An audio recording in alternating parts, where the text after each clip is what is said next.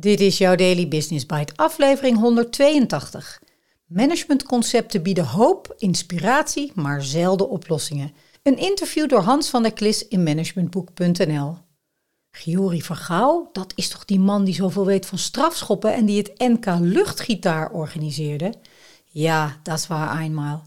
Nog steeds wordt hij regelmatig gebeld voor interviews over hoe je een penalty neemt, naar aanleiding van het boek dat hij in 2000 publiceerde over de perfecte strafschop, in de tijd dat het Nederlands elftal daar zoveel moeite mee had. Je luistert naar Daily Business Bites met Marja Den Braber, waarin ze voor jou de beste artikelen over persoonlijke ontwikkeling en ondernemen selecteert en voorleest. Elke dag in minder dan 10 minuten.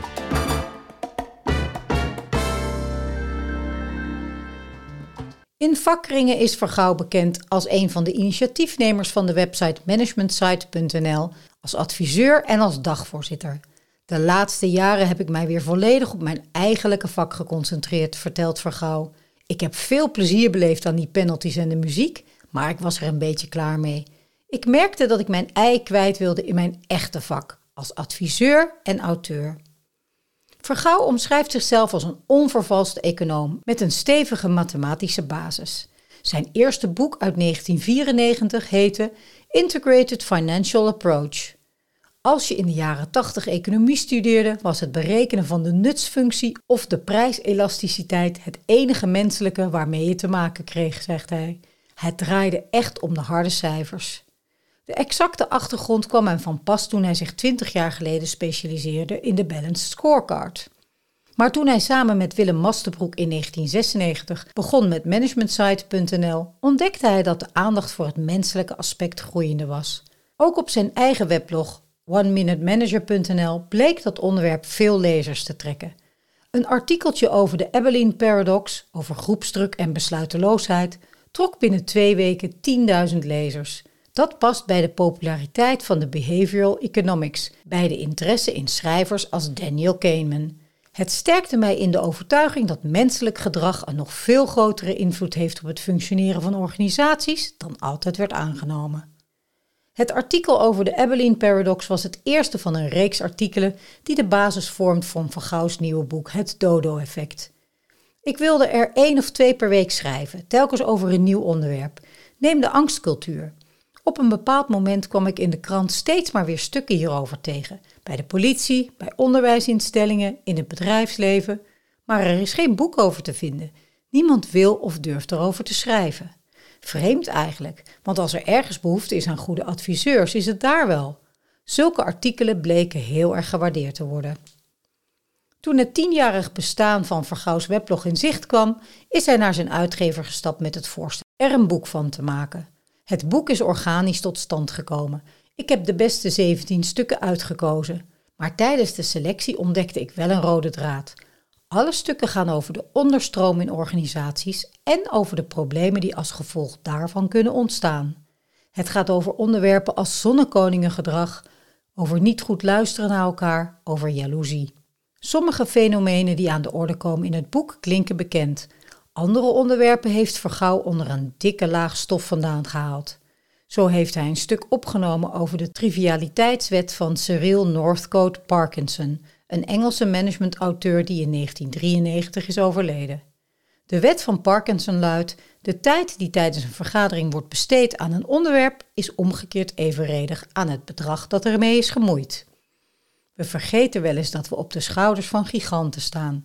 Parkinson heeft tientallen wetten op zijn naam. Hij heeft een tijdje managementboeken geschreven en is daarna biografieën gaan schrijven. Ik vond deze wet heel treffend.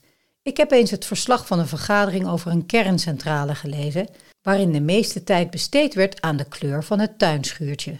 Wanneer de financiën aan de orde komen, zijn we nogal eens geneigd te denken dat de financiële man het wel weet. Nou, dat waag ik te betwijfelen. Het lijkt tegenwoordig wel alsof we geen enkel project meer kunnen volbrengen binnen budget en binnen de gestelde tijd. Denk aan de nieuwbouwplannen van het ROC in Leiden of aan de Noord-Zuidlijn in Amsterdam. Daar was 1,3 miljard euro voor begroot en hij gaat 3,1 miljard euro kosten en is jaren later klaar. Hoe is dat toch mogelijk? We hebben in de jaren 30 de afsluitdijk gebouwd, binnen budget en twee jaar eerder klaar. We doen echt iets fundamenteel verkeerd. Met het dodo-effect wil Vergouw zijn lezers inzicht geven in het gedrag dat het functioneren van organisaties beïnvloedt. Managementconcepten schieten op dat gebied tekort, vindt hij. Je kunt ze gebruiken om een organisatie in te richten, maar ze zullen je niet helpen om het gedrag van mensen binnen organisaties te beïnvloeden. Vergouw weet waar hij het over heeft. In 2007 is hij nog onderscheiden met de professionaliseringsprijs van de Vrije Universiteit voor een aantal artikelen over modus in de managementliteratuur. In die artikelen heb ik proberen te schetsen wat nou de basis was van die concepten, zoals bijvoorbeeld het 7S-model van Tom Peters. Wanneer je zulke concepten serieus onder de loep neemt, geeft dat een vrij ontluisterend beeld. Maar dat is vaak ook het punt niet. Het gaat bij managementconcepten eerder om hoop bieden, om inspiratie. Die visie sluit naadloos aan bij het dodo-effect, de naamgever van het boek, vernoemd naar een passage uit Alice in Wonderland. Het voert te ver om die hier te herhalen, maar in managementtermen komt het erop neer dat het niet zozeer de managementconcepten zijn die tot succes leiden, maar de aanwezigheid en de aandacht van de manager, stelt Vergouw in zijn boek. Wie werkelijk wil begrijpen wat er speelt in organisaties, zal zich in de onderstroom moeten verdiepen en moeten begrijpen waarom mensen zich zo gedragen als zij doen, vindt Vergouw. Sinds ik er meer van weet, ben ik ook in staat te reconstrueren met welke problemen ik vroeger als adviseur te maken heb gehad. Ik heb wel eens een projectgroep geleid waarin ik naar mijn idee alles goed had gedaan, maar die toch geen goed resultaat boekte. Pas na vijf of zes maanden begreep ik dat een van mijn naaste medewerkers in die groep ook op mijn functie had gesolliciteerd.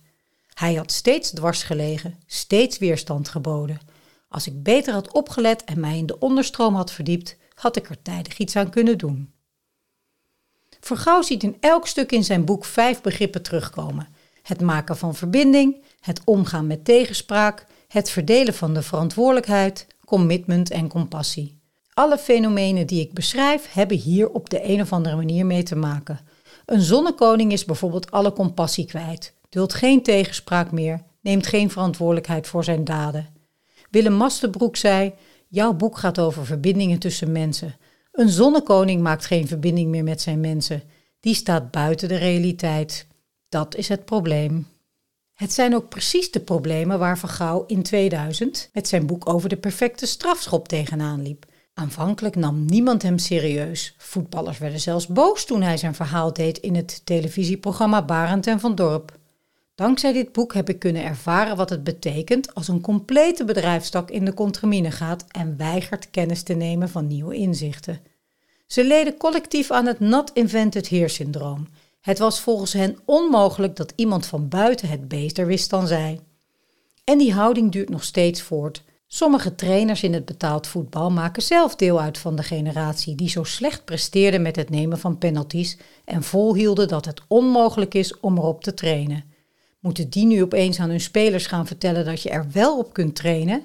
Zo gaat dat niet in de voetbalwereld. Het is een eeuwigdurende carousel. Dat boek heb ik destijds voor mijn plezier geschreven. Het kwam voort uit de Balanced Scorecard. Ik was dagvoorzitter, maar ik vond de verhalen altijd een beetje afstandelijk. Ik dacht, hoe kan ik het aansprekender maken? Wat is een objectieve performance indicator die laat zien of wij Nederlanders ergens goed of slecht in zijn? Toen dacht ik, de strafschop. Een strafschop is een 0 of een 1. Daar hoef je niet eens over na te denken. Maar de voetballers wilden er niets van weten.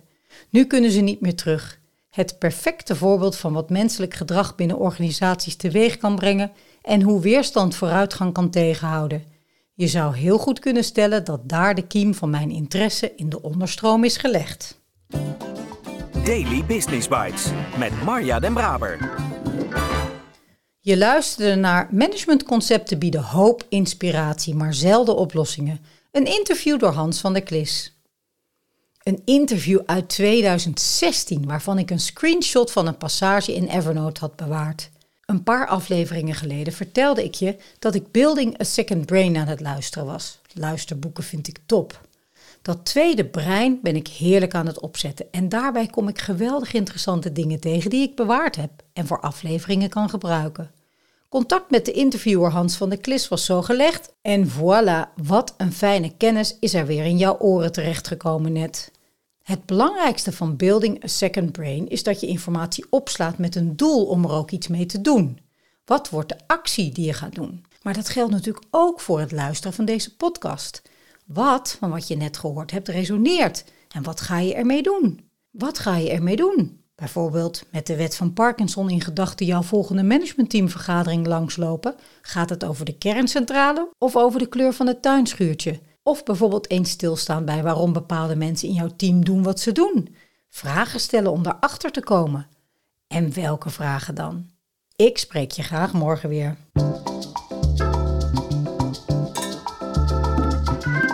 Was Daily Business Bites. Wil je vaker voorgelezen worden? Abonneer je dan op de podcast in je favoriete podcast-app. Meer weten? Klik op de links in de show notes.